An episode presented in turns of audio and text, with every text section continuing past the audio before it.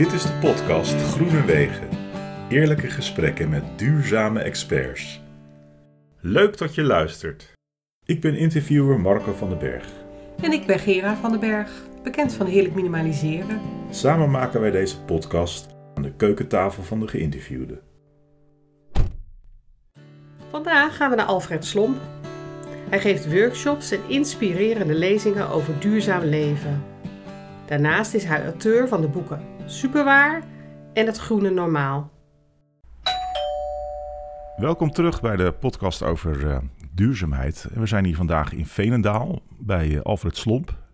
Ja, we hebben ons keukenkleed weer meegenomen. Hè? Ik zie hem. Ja. Ja. Bevalt hij? Ik uh, ben heel erg onder de indruk van hoe jullie dit allemaal klaar hebben gezet. Ik ben helemaal klaar van. Ja. Jij bent bekend, Alfred, van ja, workshops, boeken rondom de supermarkt en rechtvaardigheid in de supermarkt. Als het gaat om welke spullen kopen we, waar laten we ons door leiden. Hè? Dat kan door allerlei prikkels, door allerlei keuzes ga je straks uitgebreid ook nog wel iets over vertellen. Maar daarnaast willen we je ook ja, wat beter leren kennen als wie is Alfred en hoe ben je ooit op het idee gekomen om je rondom duurzaamheid te gaan bewegen. Ja. dus vandaar dat wij ook in deze serie dachten, we mm -hmm. gaan hier langs.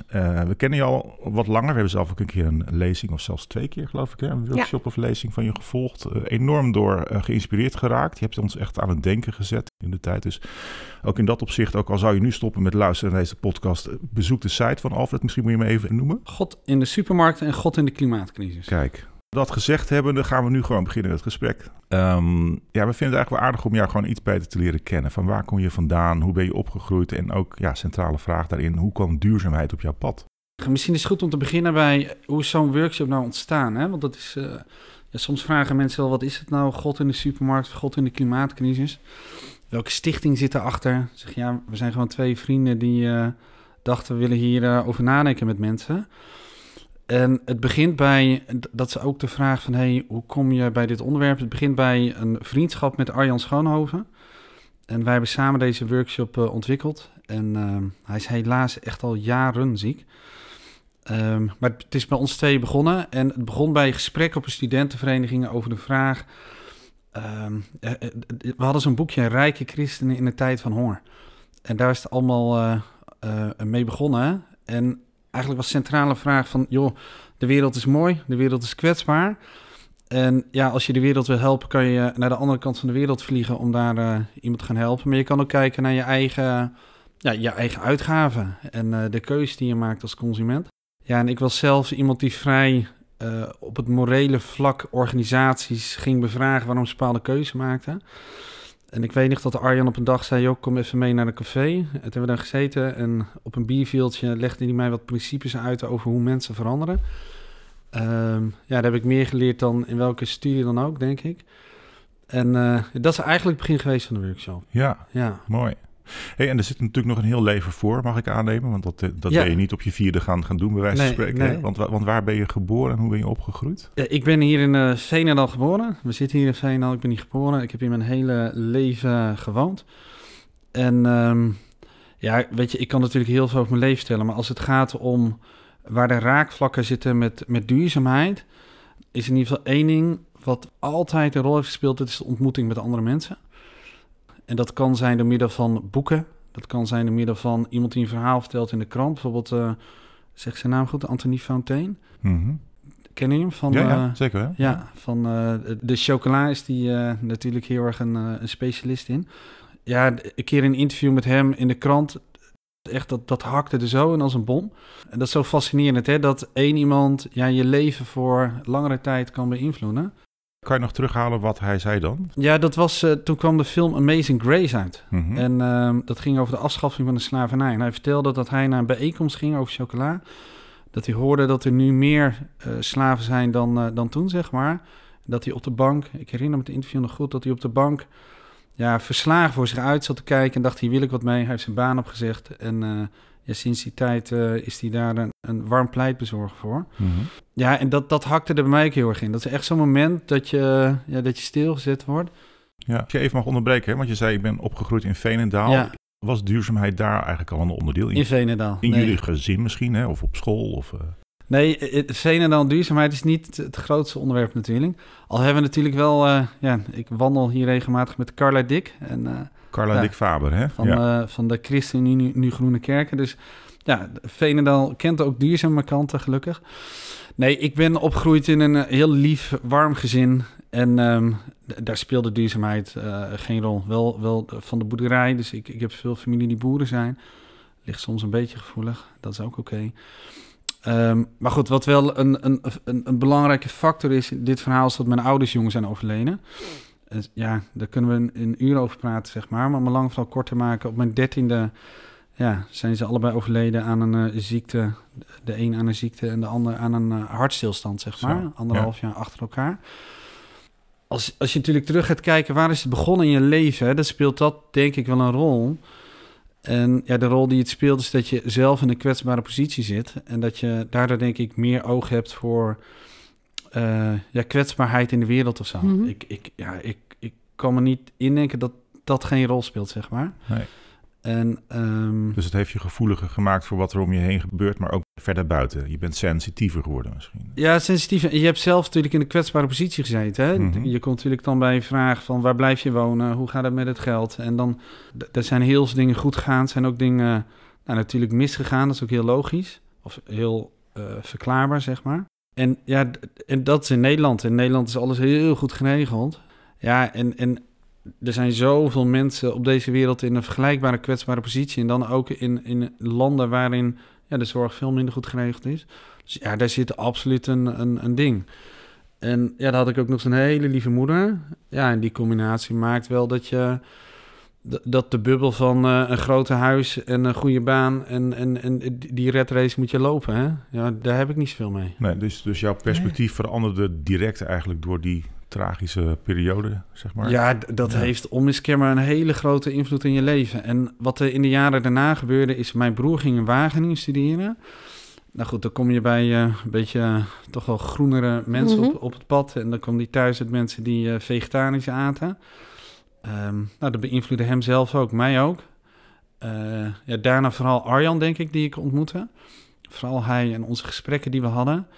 Ja, dan op een gegeven moment, als dat, dat knopje om is in je hoofd, dan, dan, dan gaat hij ook niet meer terug. Hè? Dan ga je het zien en dan ga je zien hoeveel, ja, hoe mooi de wereld is, maar ook hoe kwetsbaar die is. En ehm, ja, hoe goed we daarvoor moeten zorgen en ook hoeveel onrecht er in deze wereld is. Hè? Ja. Dat, de verleiding is heel groot om daar niet naar te kijken of om je er niet in te verdiepen. Dat, ja, maar als eenmaal dat, dat knopje open gaat, dan, dan zie je het ook overal. En dan zie je wat de impact is van de manier waarop wij leven op de wereld om ons heen.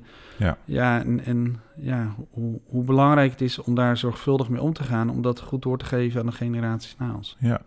En kan jij nog, eh, toen je jong was, zeg maar, een moment terughalen dat je ook rondom duurzaamheid echt een keuze ging maken? Dat je op een andere manier ging leven, dat je dingen niet meer deed bijvoorbeeld? Eh, Ja, dat was eh, in die periode van die gesprekken met Wageningen en, en met Arjan.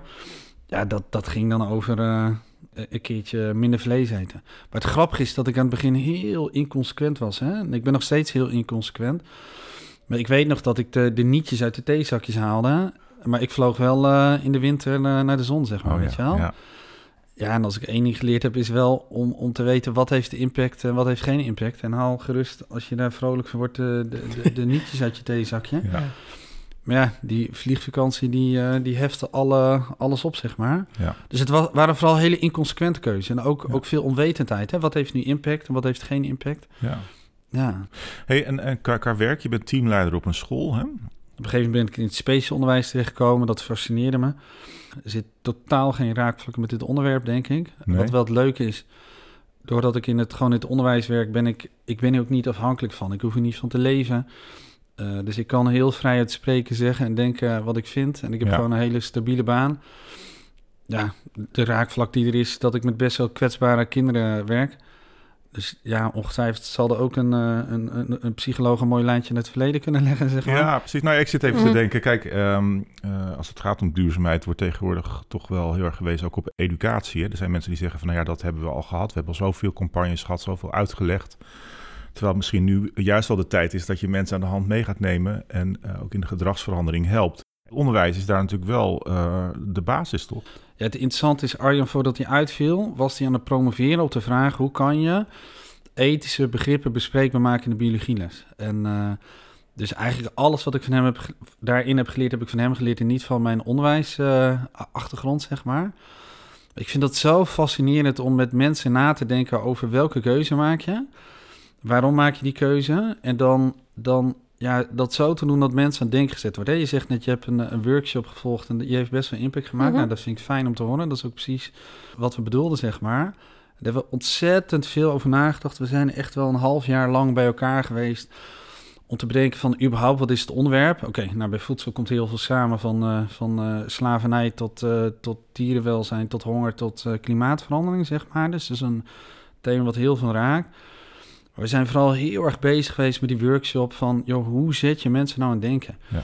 En eh, ja, C.S. Lewis, die ken je vast wel, die heeft Mhm. ooit een uitspraak gedaan van... iemand wordt zelden overtuigd door een logisch argument. En ja, wat ik aan het begin deed was heel erg mensen willen overtuigen op basis van argumenten. En wat ik leerde is dat dat geen enkele, geen enkele zin heeft, invloed heeft, dat het mensen niet raakt. Ja, we hebben heel lang nagedacht over een workshop waarbij mensen ja, stilstaan bij wat ze vinden, wat ze denken, wat ze voelen bij hun eigen inconsequente handelen, Ja. die we eigenlijk allemaal wel hebben. En dat heel erg proberen te verbinden met wat je in je hart vindt en voelt. Ja, misschien een mooi bruggetje eventjes naar, naar de workshop. Je vertelt een, een verhaal, maar je gaat, laat mensen ook oefeningen doen. Het is eigenlijk één groot gesprek met elkaar. Mhm.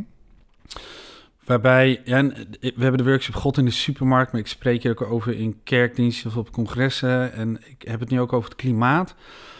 En dan zijn de onderwerpen anders. Eh, maar eigenlijk wat ik probeer is met mensen na te denken. eh, ja, in de eerste plaats het gesprek aan te gaan. En ik heb gemerkt dat het heel erg belangrijk is. En ja, ik had afgelopen weken één keer een, een bijeenkomst waarbij ik die dialoog oversloeg. Nou, er zat een, eh, een boer in de zaal en die, ja, ik liet een filmpje zien en dat kwam zo verkeerd binnen bij hem. En ik heb er heel erg over na zitten denken, want hij liep ook weg. Ja, ik ga door heel Nederland, van de Juppenkerk in Hilversum tot een, eh, een wijkcentrum in, eh, weet ik veel, een, een, dorpje in Drenthe. En het lukt me gelukkig nog altijd om de dialoog aan te gaan, maar dan zie je als je maar één keer vergeet, dat, dat ik had bijvoorbeeld verteld in het begin van die bijeenkomst, ik, ik vroeg aan iedereen welke keuze maak je in de supermarkt. Dan hebben we vier vormen van kip. En dan heb je de biologische kip, de scharrelkip, de vegetarische kip. En ik zei, en de gewone kip. En alleen het woord gewone kip kan al heel gevoelig liggen. Hè? Het woord gewoon kunnen mensen al associatie mee hebben. Ik vertelde dat en hij hoorde... Alfred vindt het een plofkip, maar die zegt dat niet. Oh ja. En dan mis je die dialoog. Nou, en dan gebeuren nog een paar dingen. En hij ziet de filmpje, komt verkeerd binnen... en hij loopt zo boos weg. Ja, oké. Mhm. Dat triggerde Ja. enorm natuurlijk. Triggerde ja. enorm. Terwijl ik juist, vind- misschien wel even goed om te zeggen, ik vind juist het knappe van jouw workshop dat je het oordeel heel vaak ook weglaat. ja, Dus je en- laat eigenlijk de mensen zelf Zeker. oordelen over van wat, wat vind ik dan zwaarde wegen en hoe kijk ik daar dan naar. En toch even om, hè, om even eh, eh, de, de luisteraar wat uit te leggen van wat er nou gebeurt. Want je zegt het is geen vertelling, helemaal terecht. Je gaat het gesprek aan, maar het is ook heel erg gefocust op... Je staat in die supermarkt eh, met je boodschappenwagentje. Je hebt allerlei keuzes te maken en waar let je dan eigenlijk op? En wat vind jij dan als consument belangrijk en op basis waarvan kies je dan? Hè? Ja, ja, wat eigenlijk iedereen wel heeft, is dat, je, dat er een verschil zit tussen wat je vindt en wat je doet. Hè? Dat noem je de behavior cap, de gedragskloof. Als wij naar een supermarkt gaan, en dat bespreekt dan ook in zo'n workshop, en we gaan naar, vragen mensen die naar buiten komen lopen, vind je belangrijk dat koeien naar wei lopen? Dan denk ik echt dat 100 van de 100 mensen zeggen, dat vind ik belangrijk. Als je Ja. diezelfde mensen vraagt, goh, mogen we dan even je boodschappenkarretje zien en de pak vla of de pak melk of de boterkoek en kijken of dat van weidemelk is gemaakt of biologische melk. Dat, is- dat is lang niet altijd zo. Dat is een Nee. heel mooi voorbeeld van ja, het verschil wat je doet als consument en vindt als burger. Mhm. En ja, dat is door dat inzichtelijk te maken en mensen ook de ruimte geven dat dat er mag zijn, ontstaat er de ruimte waarin mensen de vrijheid voelen om te vinden wat ze vinden en, en daar ook wat voelen. En er zijn sommige mensen die zullen dat prima vinden en de meeste mensen voelen daar wel ongemak bij. Ja. Nou, en dan, dan heb ik daar filmpjes over waarin, ja, er zijn natuurlijk legio filmpjes waarin je die kloof heel mooi kan zien.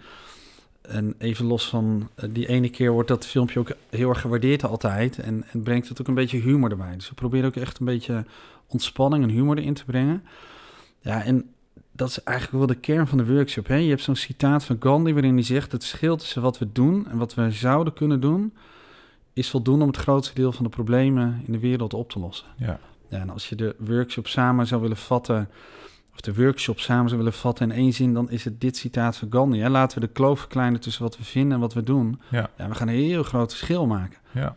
Nou ja, dat is ook wat zeg maar in meerdere afleveringen wel terugkomt in deze serie. Dat je kunt eh, zeggen, je stemt ook met je portemonnee. Hè? Dus de keuze die jij maakt, eh, werkt ook door in hoe de samenleving eh, nou, daar iets mee kan. Als het Je stuurt, hè? De, Ja. Er zat een keer iemand in de zaal die zei: Ik zit in de marketing. En als 4% van een, of als, als een marktaandeel van een product maar 4% verandert, ja, gebeurt er zoveel bij zo'n bedrijf, zo'n product, worden ze zo zenuwachtig.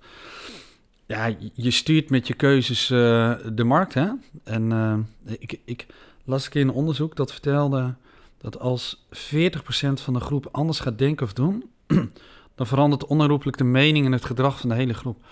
Dat vind ik wel iets fascinerends. En dat is natuurlijk de vraag van heeft je keuze wel zin? En dan loop je naar de kassen toe en dan zie je daarnaast iemand met een kar spul liggen wat veel goedkoper is dan wat jij koopt. En ja, met best wel een negatieve impact. En dan kan je denken, waar doe ik het voor? Maar je kan zoveel invloed maken als een kleine groep. En ja, je ziet het, dat noem ik ook vaak hè, bij de workshops. Je ziet bij de Zwarte Pieten discussie, zonder dat ik die inhoud inga, Mhm. daar mag iedereen van vinden wat hij vindt. En ik gok dat je mijn mening wel kan raden, maar dat, daar gaat het niet om.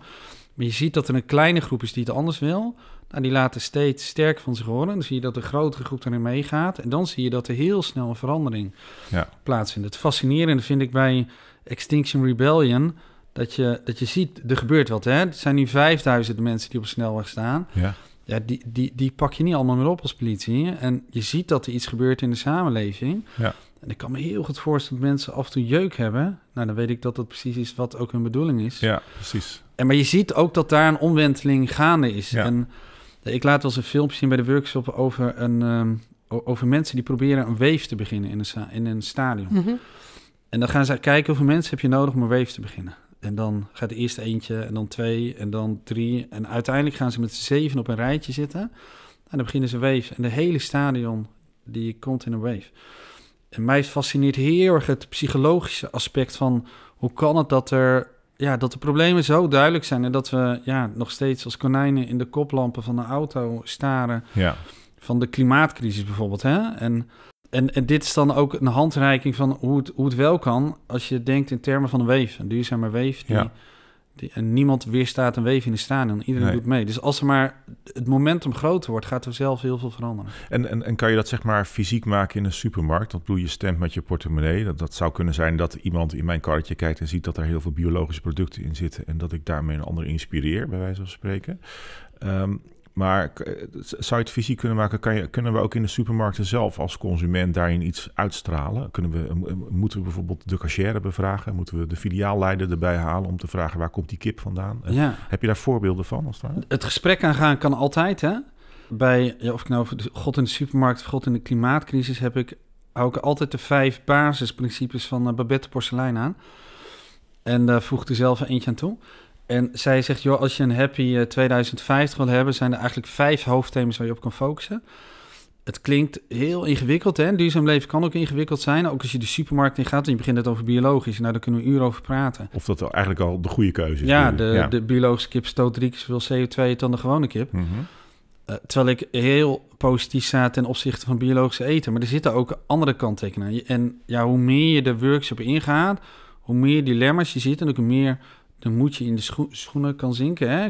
Ja, als jij zegt, ik, ik ga vegetarisch eten en ik vervang eh, de kip door de kaas. Ja, die kip die stoot veel minder CO2 dan kaas. Ja. En voor kaas, dat creëert ook nog weer een kalfje wat doodgaat. Dus Ja. het, het ligt gewoon heel ingewikkeld. Maar als je naar die vijf hoofdthema's kijkt, dan, dan zegt zij... ehm, het het zijn hele makkelijke adviezen, ze zijn best wel ingrijpend... maar doe je auto eruit. Eh, stop met vliegen. Eh, koop zo min mogelijk spullen. Nou, Gerard zit hiernaast, van die weet er alles van. Eh, heb een klein en energie- energiezuinig huis... en ga plantaardig eten. Ja. Dus dat zijn eigenlijk de vijf hoofdthema's waarmee je verschil kan maken...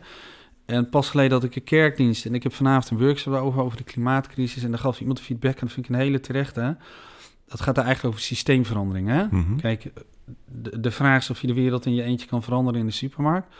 Je kunt er zeker een, een heel belangrijk begin maken, maar het systeem zal ook moeten kantelen. Ik kan kiezen wat ik wil in de supermarkt, maar zolang ja, het kabinet keuzes maakt die ja, fossiele industrie nog uh, stimuleert enzovoort enzovoort. Ja, dat, dat zal moeten veranderen. Dus dat is denk ik de zesde poot. Dat dat de hoofdthema's zijn waar je mee bezig bent. Ja, ik snap het. Maar goed, het is ergens wel aantrekkelijke gedachte om te zeggen... wat kan je zelf doen en heeft het zin om iets te doen? Nou, dat schets je al, hè? want eigenlijk die weef... Hè, als je met, met een kleine groep zoiets begint... nou, dat kan navolging krijgen. Maar ik zit meer te denken van hoe kunnen we nou impact maken? Hè? Hoe kun je als consument... je kunt door te kiezen, andere producten te kiezen... al impact maken, maar dat zeg je net zelf. Dat is ook weer arbitrair, daar kan je ook weer allerlei dingen over zeggen. Of dat dan het goede is. Maar daarnaast, wat kunnen we doen? Op welke manier kunnen we onze stem laten horen? Als ik van, van voor naar achter het heel snel door zou lopen, dan zou ik zeggen: in de supermarkt maak je echt veel impact door plantaardiger te eten. Door geen voedsel te verspillen. Dat onderschatten we wat de waanzinnige impact daarvan is. Ik denk dat we een sterkere voedselcultuur moeten hebben. Dus door lokale, ja, duurzame boeren te stimuleren. En zo eerlijk mogelijk te kopen. Dus zo fair trade mogelijk. Nou, buiten de supermarkt hebben we het net over gehad. Hè? Kijk, het, het, in alle eerlijkheid, ja, alles maakt impact. Maar goed, als ik dan vervolgens naar Bali ga vliegen, ja, dan, dan doe ik mijn impact ook gewoon weer ongeveer niet. Hè? Dus dat zijn de hoofdthema's. Uh, zo min mogelijk autorijden, vliegtuigen mijden. En, en ja, waar ik denk dat we vooral heel veel impact mee maken door gewoon een eenvoudig, waardevol ja, leven in verbondenheid met de natuur om ons heen en met onze naasten, zeg maar. Ja. Dus ja, matigheid is denk ik ook een hele goede. Hè? Ja. Dus, dus ja, de, Mag ik daar een bruggetje maken naar het feit dat je christen bent? En er staat nergens in de Bijbel koop biologische producten, bij wijze van spreken, maar er staat wel iets anders in. Kan je daar iets over zeggen? Wij hebben bij het ontwikkelen van de naam God in de supermarkt niet die christelijke verbinding zelf heel erg gelegd, maar ik heb gemerkt dat die wel wordt gelegd en dat we automatisch daar in een uh, christelijke hoek zitten. Het is wel een enorme worsteling voor mij hoor, vooral nu ook... En ik zal zo ook een antwoord geven op je vraag welke, welke verbinding ik uit die Bijbel haal. Maar waar ik heel erg mee worstel, is dat de kerk eigenlijk altijd in, in, ja, in de mensgeschiedenis. Die heeft lang niet altijd aan de goede kant van de geschiedenis gestaan. Hè? Of het nou mhm. gaat om de afschaffing van de slavernij, of het gaat om kolonialisme, of het gaat om ja, homoseksualiteit, of het gaat om uh, economische onderdrukking. Uh, ik heb in die zin haal ik heel veel inspiratie uit de Bijbel, niet uit, uit het christendom of zo, of uit ik merk, hoe meer ik hiermee bezig ben, hoe moeilijker ik ook vind om mijzelf te afficheren met het christendom, met de kerk. Ja, ja ik voel steeds vaker meer verbinding met, uh, met de voetbalclub Ajax of zo dan met de kerk. Weet je wel? Ik heb niks met Ajax, maar nee, nee. Dat, dat is echt een worsteling waar ik op dit moment volop in zit. Ja, nou daar kan ik me echt iets bij voorstellen hoor. Maar goed, het is ook niet dat ik dat wil, maar ik bedoel, je noemt het zo. Dus ja, het ligt ergens voor de hand dat je dan zegt, nou ja, die link is er. Kijk, de link leg met, met, je identiteit. Ja, ja, die, Zit, die zit er zeker in. En kijk, in, in de mensgeschiedenis zijn er wel heel vaak mensen geweest die ook op basis van de Bijbel een bepaalde keuze hebben gemaakt. Hè? We hadden het over de afschaffing van de slavernij. Nou, William Wilberforce, de Engelse politicus die daar heel erg bij betrokken is geweest, die haalde heel erg zijn inspiratie uit het geloof. Hè? Dus er zijn altijd christenen geweest die geïnspireerd door de Bijbel ja, andere keuzes maakten, wat ze ook heel vaak niet in dank is afgenomen. Hè? Dat zie je ook bij zijn Rosemarijn van het einde, die, die scheppingsactivist die meedoet met die acties. Nou, die krijgt een hoop online haat over zich heen, dat wil je niet weten. Ook een kleine groep christenen die het wel heel erg waardeert. Hè? Mm wij doen eigenlijk altijd bij, bij de workshop doen we, doen we een testje. En dan zeggen we, joh, hier staan een aantal ethische onderwerpen op het, op het scherm. Homoseksualiteit, seks voor het huwelijk, echtscheiding, armoede en recht doen. En de vraag is eigenlijk heel simpel. Hoeveel bijbelteksten gaan er over deze onderwerpen? Of om het iets zorgvuldiger te zeggen, hoeveel bijbelteksten worden er gebruikt om over deze onderwerpen te praten? En nou, jullie hebben de workshop gevolgd, dus ik weet niet of zin een testje doen voor de mensen thuis. Hoeveel bijbelteksten gaan er over homoseksualiteit? Nou, volgens theoloog Google zijn het er vier. Ik ben geen theoloog, maar goed, de meeste theologen zijn het erover eens. Echtscheiding, ongeveer zes. Seks het huwelijk heb ik altijd ruzie met theologen, want Google zegt 14 en zij zeggen 0. nou goed, ik geloof het wel, die discussie ga ik niet aan. Nee. Het interessante is dat heel veel theologen het antwoord niet weten op de vraag hoeveel bijbelteksten gaan over armoede en recht dan. waar ze heel goed weten hoeveel er over die andere onderwerpen gaan, is er bijna geen theoloog die het antwoord goed weet. Nou, jullie hebben de workshop gevolgd, weet je het nog of niet? Nou, ik dacht iets van 4000. Ja, meer dan 2000. En het interessante is als je die vraag stelt, hoeveel gaan over armoede recht doen? Mensen zijn altijd hetzelfde. Dan is het antwoord heel veel. Dan zeg hoeveel? En dan noemen mensen 50, ja. 100 en dan één iemand een paar honderd. En heel af en toe zit er iemand als jullie erbij die het weet en die, uh, die de getallen uh, noemt, zeg maar. Maar meer dan 2000. En, en ja, toen ik dat hoorde, dacht van, dat wil ik weten, heb ik mijn Bijbel gepakt en ja, ben ik gaan lezen. Van Genesis tot de openbaring heb ik elke tekst die gaat over armoede en recht en onderstreep. En ik ben me echt lam geschrokken, jongen. En ik ben opgegroeid, keurig opgevoed in, uh, in de Nederlandse vormde kerk, twee keer op zondag naar de kerk. Ik had gezaad, ik heb alles gedaan wat er maar bestond en ik las teksten, dat had ik nooit over gehoord. Ja. En ik begrijp het ook wel, want het zijn gewoon bizarre teksten. En ja, ik zeg wel gekscherend, het communisme is niks vergeleken bij de Bijbel. Uh, het jubeljaar, na 50 jaar gaat alles weer terug naar de oorspronkelijke eigenaar. Ja, dat is een hele mooie tekst natuurlijk. Totdat er een uh, dominee zegt... Uh, nou, aan het eind van de dienst kan je autosleutels inleveren. en, uh, of er zal iemand bij je aanbellen en zegt... joh, ik woon hier, hier, ik, zitten hier in mijn huis... en er beeldt iemand aan, ik woon hier 50 jaar geleden. Ja. Wil je mij vertellen waar mijn slaapkamer is? En, ja, tot precies, ziens, weet je wel. Het, is, het, is, het zijn zulke bizarre teksten. En ja, ik, ik ben geen theoloog, maar ik geloof als ik de Bijbel lees... dat ik een hartstochtelijke droom lees van God van een wereld... waar er genoeg is voor iedereen. Ja, als je daar eenmaal de verhalen van kent over hoe groot de kloof wereldwijd is tussen rijk en arm. En ja, hoe onze rijkdom gestoeld is op, op zulke misdaden in de, in de geschiedenis. Ja, dan kan je dat niet meer loszien. En, ja, je kunt het ook rechtvaardigheid noemen. En dat is natuurlijk ook een heel actueel thema. Steeds meer organisaties gaan zich daar ook voor inzetten. Hè, voor een rechtvaardiger wereld. Jij koppelt het ook aan ons consumptiegedrag als het ware. Hè? Omdat we staan in die supermarkt en we hebben daarin een keuze. Nou, bijvoorbeeld, je noemde al chocola. Je pakt een andere reep chocola en daarmee maak je een wat betere keuze, toch? Precies, hè? En, en kijk, bijvoorbeeld de klimaatcrisis is een waanzinnige ongelijkheidscrisis, hè? En uh, de armste mensen worden het hardst geraakt. En ja, welke keuze ik maak, eigenlijk alle keuzes die je maakt. En als je dat eenmaal weet, dan, dan blijf je het overal zien, hè? En of het dan gaat over hè, jullie of jij of Gera heeft, eh, natuurlijk heel erg de uh, ja, minimaliseren. Hè? Dat is zo verbonden aan ja, hoe de wereld ingedeeld is en, en, en welke impact wij hebben. En welke chocola je koopt, welke kleren je koopt, welke telefoon je koopt, welke auto je koopt, of je, hoe je op vakantie gaat. Eigenlijk alle keuzes die je maakt als consument hebben hier de invloed op. En ja, bepaal jij hoe de wereld eruit ziet. En ja, geef je een duwtje in een richting, hè? een goede richting, of in een verkeerde richting, of in een betere richting. Dat is niet altijd de beste keuze. Nee, nou ja, om, ik haak ook een beetje aan op wat je net daarvoor zei. Van dat het, het kan je ook bijna mismoedig maken, omdat ook alle goede keuzes zijn nog weer arbitrair, als het ware. Hè? Daar kun je ook nog weer aan twijfelen. Ik, ik, eindig eigenlijk elke workshop met het citaat van hoogleraar Roos Vonk. Beter inconsequent goed mhm. dan consequent fout. Je kent hem vast. Ik vind dat zo'n ja, mooi citaat waar ook wel de ruimte in zit.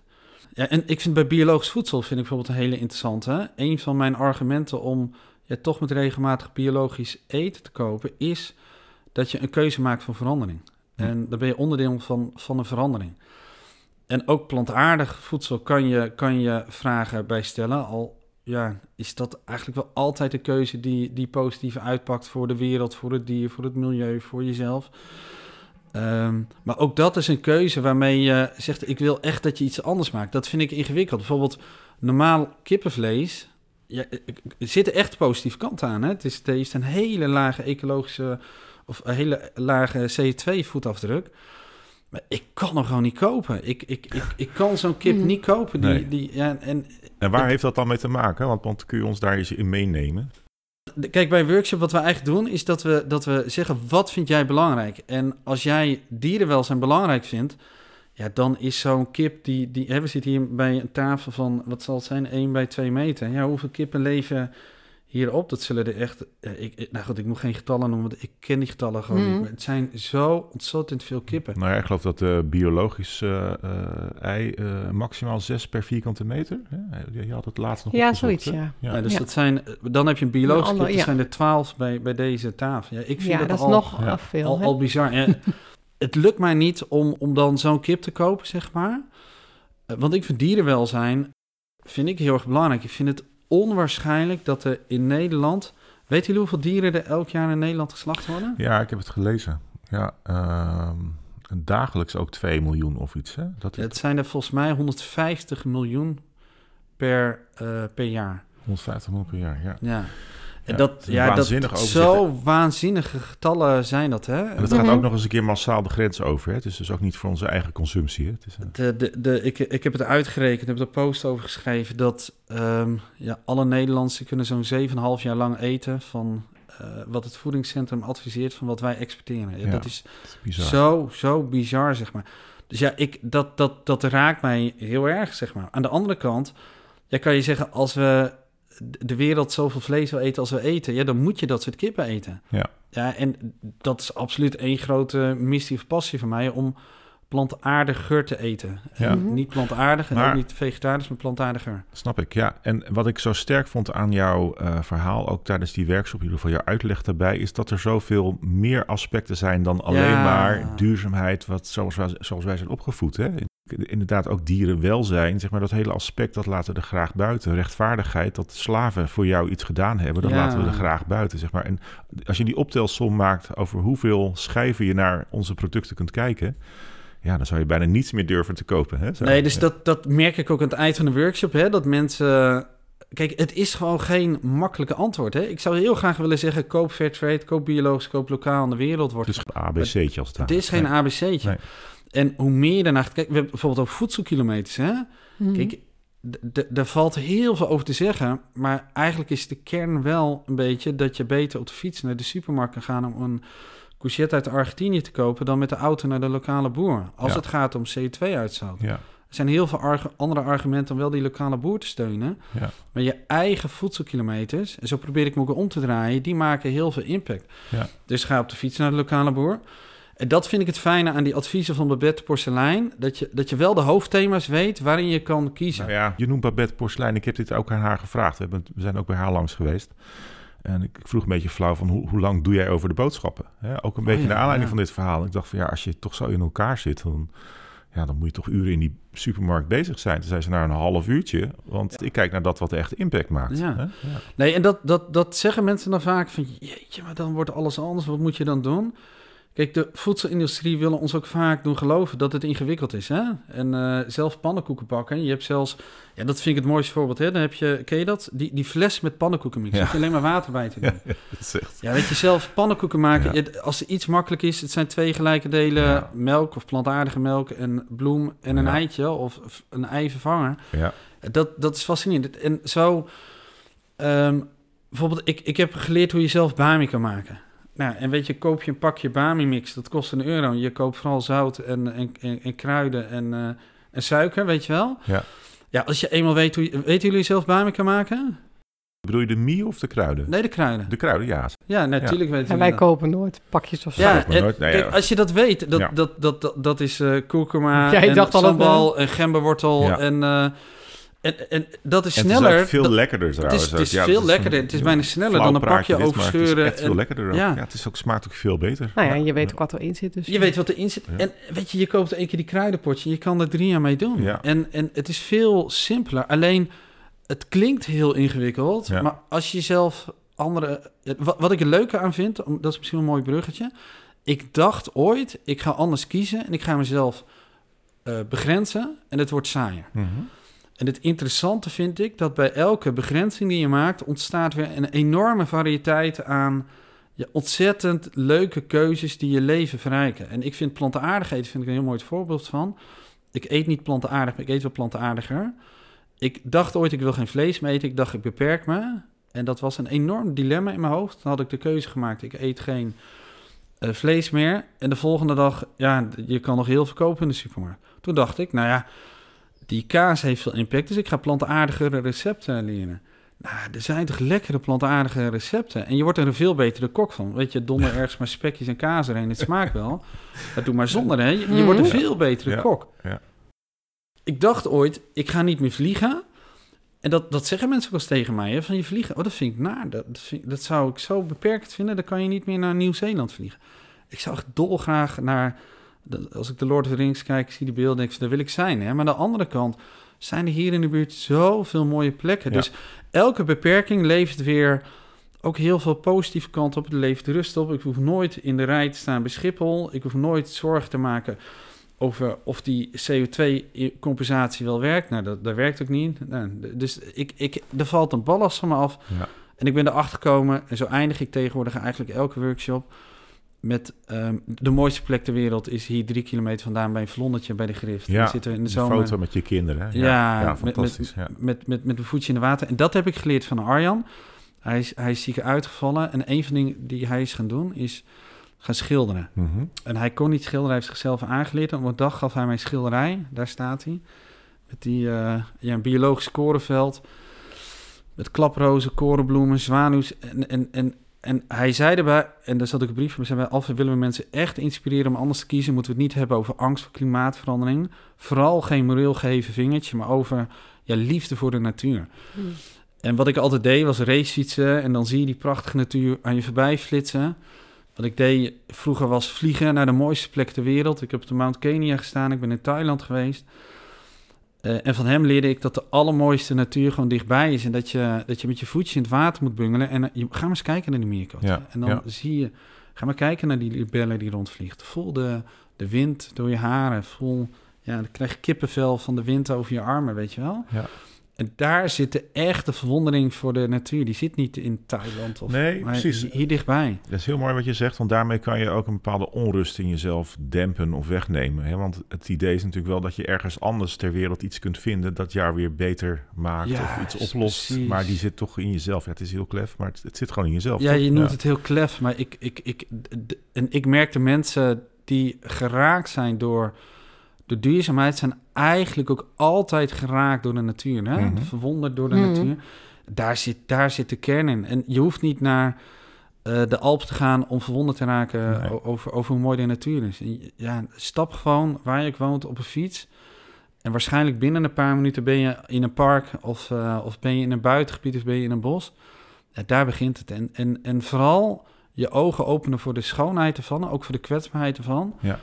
Ja, dat, dat is, ja als, je, als je dat eenmaal ziet, dan laat Nou je het niet meer los, hè? Precies, en om dan even weer de koppeling te maken naar de supermarkt. Al die producten die daar liggen in die kartonnen doosjes of in, in, in geblikt of in flessen of in plastic. Het is uiteindelijk allemaal ook weer vanuit die natuur afkomstig. Hè? Ja, En, ja ehm, en kijk, ik, ik wo- wo- woon hier in Veenendaal en ik heb het bos in de buurt en ook de, de binnenvelden en Barneveld. Ja, ik fiets regelmatig op een rondje eh, over mijn racefiets. Je ziet het gewoon en je ziet, dan, dan rijd ik Lunteren uit en dan zie je het bos liggen en je ziet de boerderijen er liggen. En, je- en je ruikt gewoon de mest en, en, en dan rijd ik een rondje door het binnenveld langs, langs de, daar zijn ze met natuur bezig, allemaal nieuwe natuur bezig langs de grift. En dan zie je aan de linkerkant zie je de meest mooie biodiversiteitrijke gebieden. Aan de rechterkant zie je de, ja, de, de, de, de mest geïnjecteerd in de grond, weet je wel. Je ziet ook met je eigen ogen wat de impact is van de natuur. En ja, dan, dan dat mooiste plekje ter wereld met het vlonnetje, ja, dat drijft ook het plastic in het water. Ja. En ja, dat, dat, dat kan heel, ja, bijna wanhopig voelen. En tegelijkertijd geeft het dan ook weer een goed gevoel om dan wel weer een, eh, een knijpje mee te nemen. Dat eruit te halen Ja. en dan denk je, ja, Ik herken dit zo. En eh, je gaat oog ontwikkelen voor de schoonheid, inderdaad ook dichtbij. Je gaat je daar zorgen over maken. Je gaat je daarover ontfermen ook. Precies wat je zegt.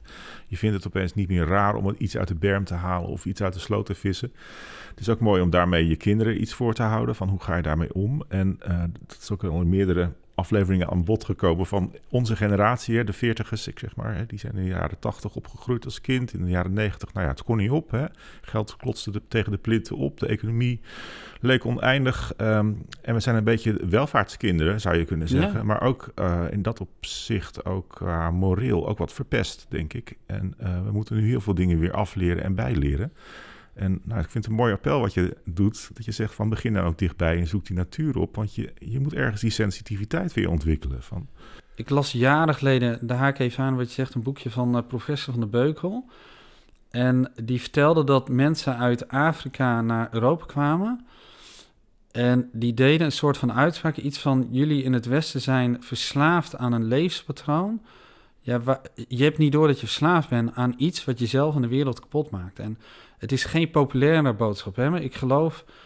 Ja, d- d- d- ik, ik, de paus noemt het zo mooi. Die noemt het over een ecologische bekering. Hè? En ik ben er zo van overtuigd dat we, dat we daar naartoe moeten. Naar ons hart en naar de, de voet waarop wij op deze wereld leven. En niet alleen wij als persoon, maar ook puur alleen aan het feit dat ik in Nederland geboren ben. En de geschiedenis van de welvaart van, van Nederland, maar ook de structuren die nu zijn. Hè?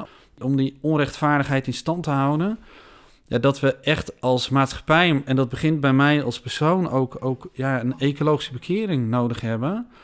Ja, en ik geloof dat, die, dat, dat het heel goed kan helpen om die, om die morele vraag te stellen. Hè? Maar vooral dat bij verwondering voor of dat nou eh, de liefde is voor de natuur of dat je het ziet als Godschepping.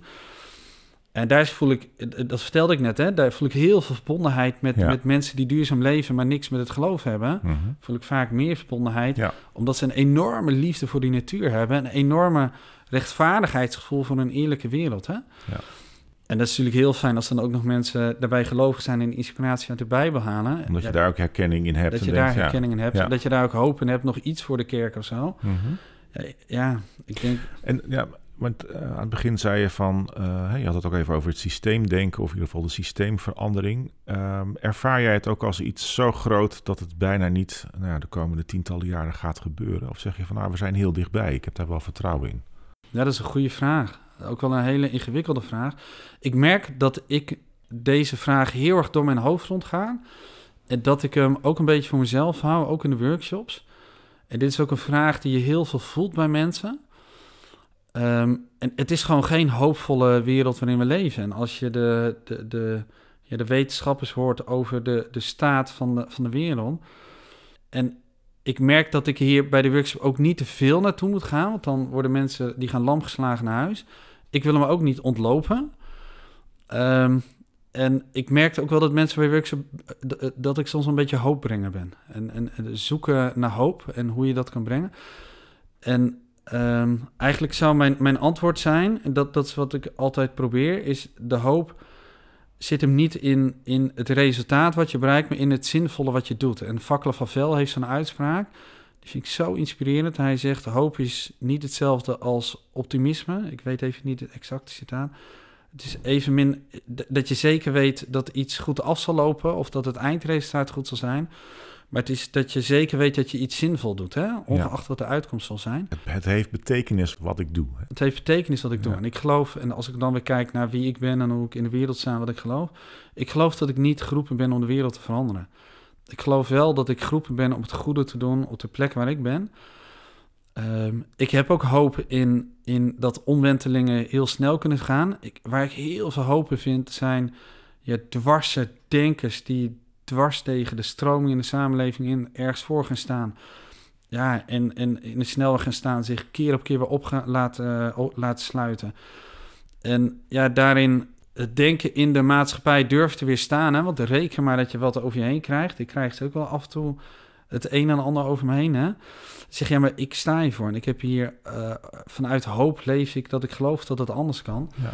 Daar vind ik hoop in. En ik merk dat ik mij dat het mij helpt om niet te focussen op het resultaat, maar op waarom ik iets doe en de ontmoeting met mensen die dat ook doen. Ja, daar, daar zit de, de handreiking in voor mij. Ja, en misschien wel mooi om daarop aan te sluiten is ook dat wij, hè, ik had het net over onze generatie, maar we zijn ook gewend geraakt aan korte termijn successen. En dit is natuurlijk niet een korte termijn succes. Wij, wij zijn zo verslaafd ook aan die korte termijn successen dat we denken, als ik vandaag iets goeds doe, nou dan gaat, gaat het meteen beter en het gaat meteen veranderen. Hè? Al, al onze instant oplossingen met een nieuw batterijtje erin en het werkt weer. Uh, daar moeten we ook misschien wat van af. Het idee van ik zet nu, ik plant nu een boom en over 60 jaar uh, uh, heb ik uiteindelijk die enorme schaduw die ik wil bereiken. Of enorme CO2-opname. ja, dat is mooi. Ik las ergens iemand die zei: degene die een boom plant en weet dat generatie namen van de vluchten, vrucht zullen plukken, die zitten dichtst bij het begrijpen van waar het in de wereld om draait. Ja. En uh, nee, dat, dat vind ik mooi dat je dat zegt. En uh, de, ik, ik denk ook dat, kijk, de enorme welvaart waarin onze generatie geleefd heeft, is natuurlijk uniek in de wereldgeschiedenis. Hè? In die zin zet het ons ook met de beide benen op de grond. En Rikke Voorweg noemde dat een keer van ja, dat we, ja, we worden gewoon met beide benen op de grond gezet. Dat de voet waarop we leefden, dat kon ook niet. En, en weet je, wordt ergens ter wereld geboren en je hebt het niet beter dan wij. En ja, je ziet dat het enorme schok voor onze samenleving is dat, dat we ja, de komende jaren niet beter op zullen worden. En wat voor enorme impact dat heeft op mensen. Hè? Ja, en ik denk dat het een enorme les in nederigheid ook zal zijn de komende jaren. Dat, dat de wereld waarin we leefden, dat, dat, dat kon ik niet. En dat had de impact, veel te grote impact op deze wereld. Ja. Ja, en lessen in nederigheid. Ja. Ja.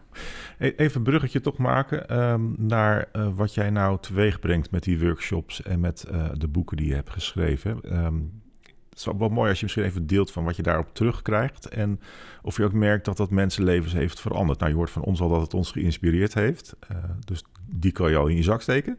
Maar hoor je dat van meer mensen? En, en wat krijg je dan terug als reactie? Ja, dat, ik vind dat soort dingen eh, eerlijk gezegd wel leuk om te horen. Kijk, ik, ik, ik reis het hele land door om hier met mensen over na te denken. Ik ben niet verbonden aan een organisatie, dus dit is best wel solistisch. Ehm, ja, ik krijg wel af en toe terug dat mensen zeggen... het is echt eh, mind-blowing geweest en levensveranderend. En ik ben omvergeblazen, zeg maar.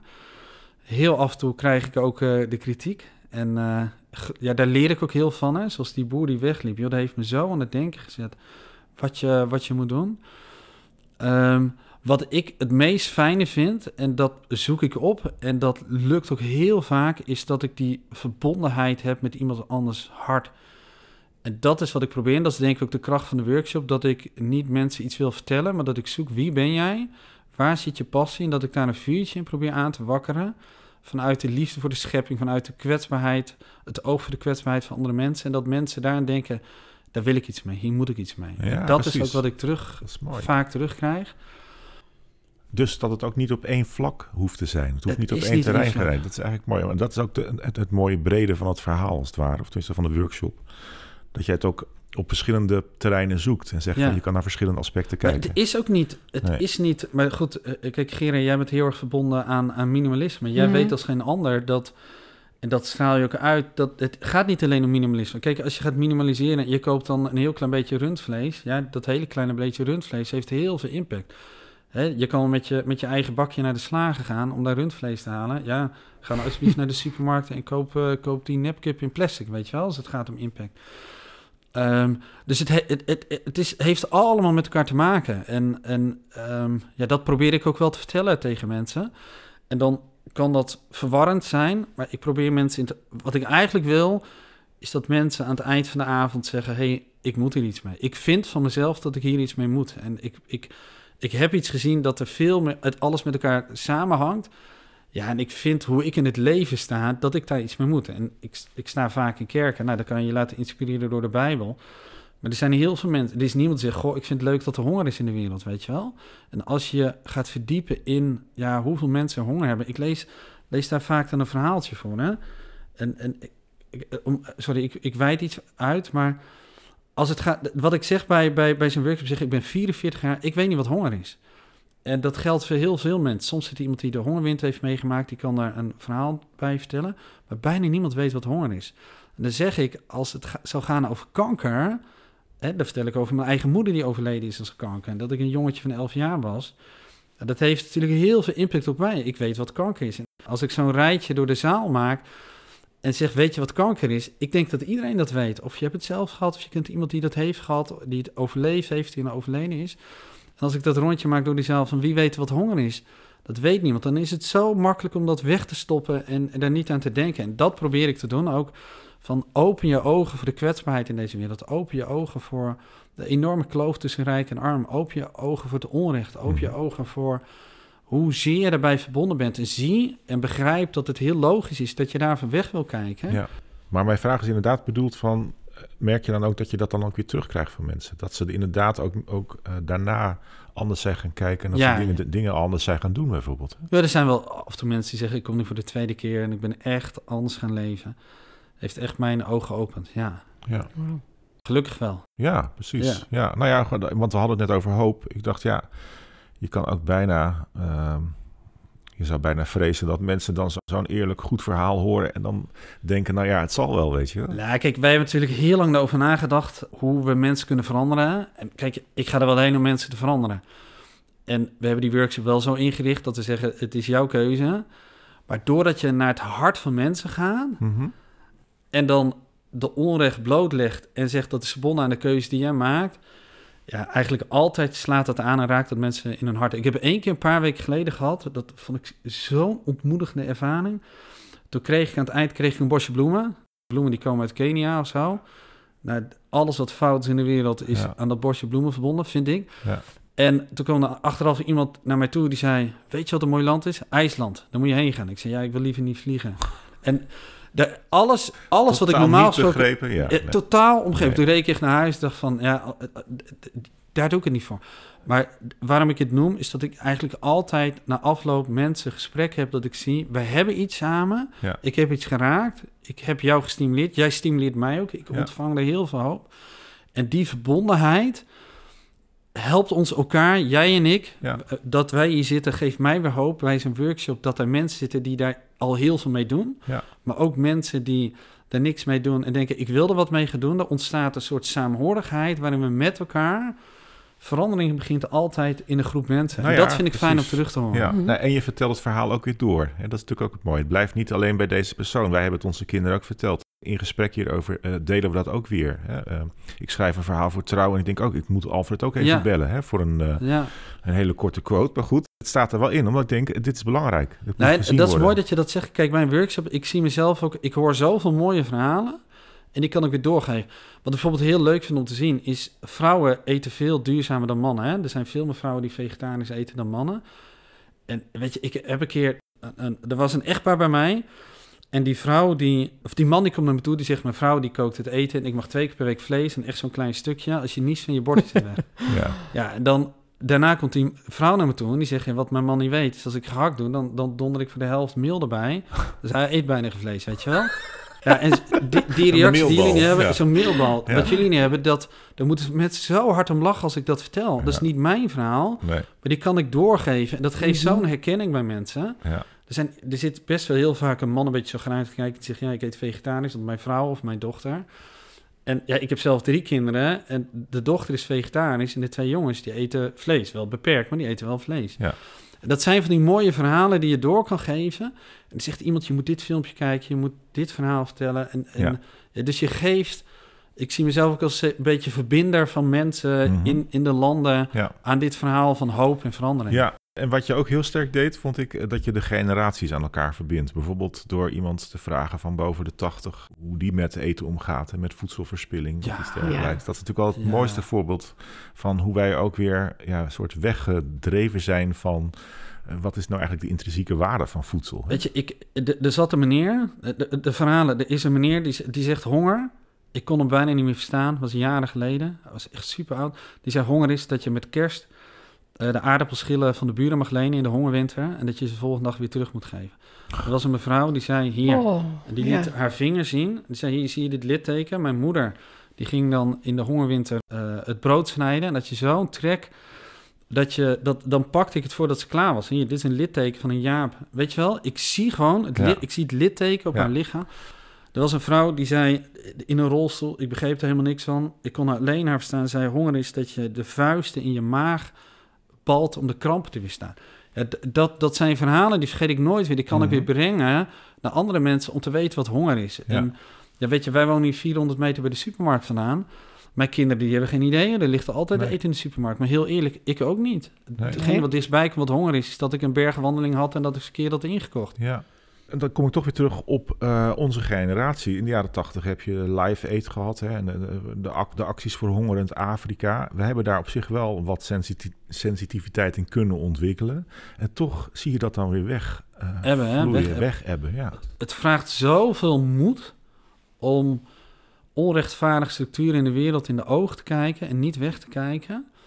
En het vraagt ook om voorbeelden van mensen die zeggen: "Maar Ik ga het in de ogen kijken. Ik, ik ga het zien. Ik ga hierover praten. Ik ga hierover spreken. En er is gewoon. Ja, hier worstelen natuurlijk ook natuurorganisaties mee, of hulpverleningsorganisaties. Is geen impopulairder onderwerp dan het onderwerp honger of het onderwerp klimaatverandering. Hè? Ik kijk ook het liefste weg. Ja.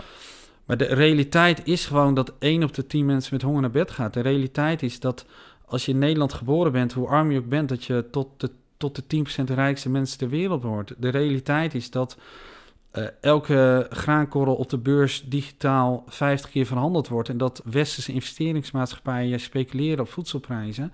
Waardoor investeringsfondsen nog, nog, nog rijker worden. Ja. En mensen doodgaan van de honger omdat wij nog, nog, nog rijker worden. Weet je wel, dus zo kan Ja. ik nog doorgaan. De realiteit is dat velden in Afrika voor een appel en ei van corrupte regeringen gekocht worden. En dat er een hek omheen gaat, dat er voedsel verbouwd wordt voor China en Europa. En dat daar mensen doodgaan van de honger. En dat is zo'n aangrijpende werkelijkheid die ik ook bij de workshop pas helemaal aan het eind ga aankaarten. Want anders ben ik mensen kwijt. Maar dat is wel de realiteit. En als Ja, je dan wordt weer naar bijna Murph gebeukt, hè? Omdat je denkt van, als dit allemaal zo is, wat, Mhm. wat doe ik hier Maar, dan en nog? tegelijkertijd, ik zeg wel eens, ik wil je uitdagen, of je nou gelovig bent of niet, pak de evangelie, waarin het leven van Jezus beschreven wordt, lees het door van het begin tot het einde. En je komt de tekst tegen die zo mindblowing zijn en die zo ver gaan. En ik zeg wel eens vaker, weet je, hij eindigde niet voor niks aan de kruis. Hè? Het is zo'n revolutionaire boodschap die zo tegen de maatschappelijke Mhm. structuren ingaat, die zo veel weerstand oproept bij de machthebbers en ook bij de kerkelijke machthebbers. Het het is ook geen zoet, hoopvol verhaal van jongens, Nee. koop een keer een biologisch productje. Nee, de werkelijkheid is zo aangrijpend. En dat Ja. vraagt om mensen die, die zeggen, ja, maar ik ga dat doen. Ik ga er tegenin. De, de cirkel is hier ook wel rond, omdat je eigenlijk ook vanuit je identiteit niet achterover leunt, maar eerder in die activistische houding terecht eh, Ja, wat ik het, dat hè? klopt. En wat ik het fascinerende vind, is hoe wij, en dan ga ik wel even naar wij als kerk, het voor elkaar hebben gekregen om de boodschap van Jezus in zo'n ja, zoetsappig sausje te veranderen, zeg maar, weet je wel. De, eh, de passion en, eh, en, en, en paaseitjes en, eh, en kaarsen met kerst. En, en dat mag er zijn, hè. En alsjeblieft, dat mag dat er zijn. Maar het is zo'n revolutionaire boodschap die wereldveranderend is, waardoor mensen door de eeuwen heen, ja, geïnspireerd door die boodschap, eh, ja, Mhm. tegen zichzelf, tegen de maatschappij, met heel veel invloed op zichzelf, de wereld hebben veranderd. Ik vind het wel heel mooi wat je zegt, want eigenlijk eh, is de Bijbel in dat opzicht misschien ook wel gewoon misbruikt hè, door mensen die eh, macht hadden en juist daardoor niet voor rechtvaardigheid hebben gezorgd. Terwijl de boodschap van de Bijbel nu eenmaal is van zorg goed voor elkaar, kijk naar elkaar om, wees lief voor elkaar. Hè, om Ik vind het heel zo knap. slaan. Ik vind het Ja. zo fascinerend dat dat gelukt is. Ja. En eh, dat je dat voor elkaar hebt gekregen. En dat, dat, dat in mijn, mijn geloofsleven is dat een van de grootste vragen. Nou goed, ja. Ik zei al tot slot, hè, want we zitten aan de tijd. Ehm, ik heb begrepen dat je ook aan een derde boek bezig bent. Ja. ja? Kun je, ik je hoeft niet te vertellen waar het over gaat, maar gaat hij hier ook op door? Of zeg je van, nou ja, dat, daar laat ik dan tussen aanhalingstekens God uit weg? Daar laat ik God wel uit weg. Ja. Dat gaat er eigenlijk over de vraag... ehm, ja, als je de wereld wil veranderen, waar kan je beginnen? Hè? En al die vragen waar we het net over hadden... van moet je, wat moet je kopen, welke keuze moet je maken als consument? Dus ik heb een boek geschreven over je, je boodschap... en dit gaat eigenlijk over alle keuzes die je kunt maken. En dan behandel ik kort de thema's... en dan gaan we de adviezen in van welke keuze kan je maken. En er hoort ook systeemverandering bij... En daar zit het stukje. Kijk, het maakt niet uit wat je inspiratie is. Hè? Ik haal hem uit de Bijbel, ik haal hem uit de natuur, ik haal hem uit de kwetsbaarheid van mensen. Maar dat je dat gesprek wat we net gevoerd hebben, komt er wel in. En ik las een keer iemand in de trouw, ik weet niet meer wie het was. En die haalde een verhaal aan. En of het waar gebeurd is, weet ik niet. En het gaat over een demonstrant ten tijde van de Vietnamoorlog. En die staat met een bord voor het Witte Huis dat hij tegen de oorlog is. En daar staat hij elke dag weer. Elke dag staat hij met een bord, we moeten niet vechten in, in Vietnam. En het verhaal gaat dat een journalist naar hem toe gaat en de vraag aan hem stelt, aan die demonstrant, van... Denk je nu echt dat jij de wereld zal veranderen? En dan zegt die man, nee, ik geloof niet dat ik de wereld zal veranderen, maar, of dat ik dat kan, maar ik wil niet dat de wereld mij verandert. Dat vond ik zo'n mooi verhaal. Ja, dat is mooi, ja. Natuurlijk wil ik graag de wereld veranderen. En natuurlijk hoop ik dat ik daar invloed op heb. Maar ik, ik dacht, dit is hem precies. Ik wil niet dat de wereld mij verandert. En ik wil niet dat ik op een gegeven moment terugkijk en zeg... Joh, ik heb er niks aan gedaan of zo, weet je wel? Dat het niet Ja. mij verandert. Ik vond dat Ja. een heel mooi verhaal. En die wil ik op de een of andere manier ook in dat boek een, eh, een plek Ja. geven. En dat is ook heel herkenbaar, want dan hou je het ook weer klein. Wat kan ik doen als het Ja, ware? ja. En niet alleen maar wijzen om je heen van, zij moeten iets, maar wat is mijn aandeel in dat En richt je oog niet op de verandering, richt je oog niet op het resultaat... maar richt je oog op het zinvolle wat je doet. Ja. En ja, wie weet komt de verandering heel fijn, komt hij niet... is het nog steeds Ja. zinvol. Hey, bedankt voor het gesprek, eh, Alfred. Het was een, eh, het was een diepgaand eh, eh, betoog, zullen we maar zeggen. Je haalde allerlei dingen aan, heel mooi, heel rijk ook, zeg maar. Hè, waar, waar mensen ook weer naar kunnen zoeken. Ik zou zeggen, Google vooral hè, al, die, al die namen van mensen die je hebt genoemd. En eh, nou, nogmaals, de oproep, ga ook zeker die workshop en... workshop volgen en de boeken lezen. Dat zeg ik even tegen de luisteraar. Je kijkt maar aan zo van... eh, Nee, nee, nee, ik luister zo moet ik mijn eh, eigen workshop volgen. Nee hoor, dat is, want eh, nou, het gaat over deze thema's. En het mooie is, om toch nog maar even een keer te benoemen... het is niet heel moralistisch. Het is, je wordt niet in een kamp gedrukt. Je wordt niet iets opgedrongen. Jij zegt net van, nou ja, we hebben het opgezet om mensen te veranderen. Je zit daar niet om een bepaalde denkwijze aan te leren... maar het zet je aan het denken. Hè? En Ja. Dat is eigenlijk het, Ja. het belangrijkste. hey, bedankt. Hey, jullie bedankt ook heel succes met deze mooie podcast serie. Ja, dankjewel.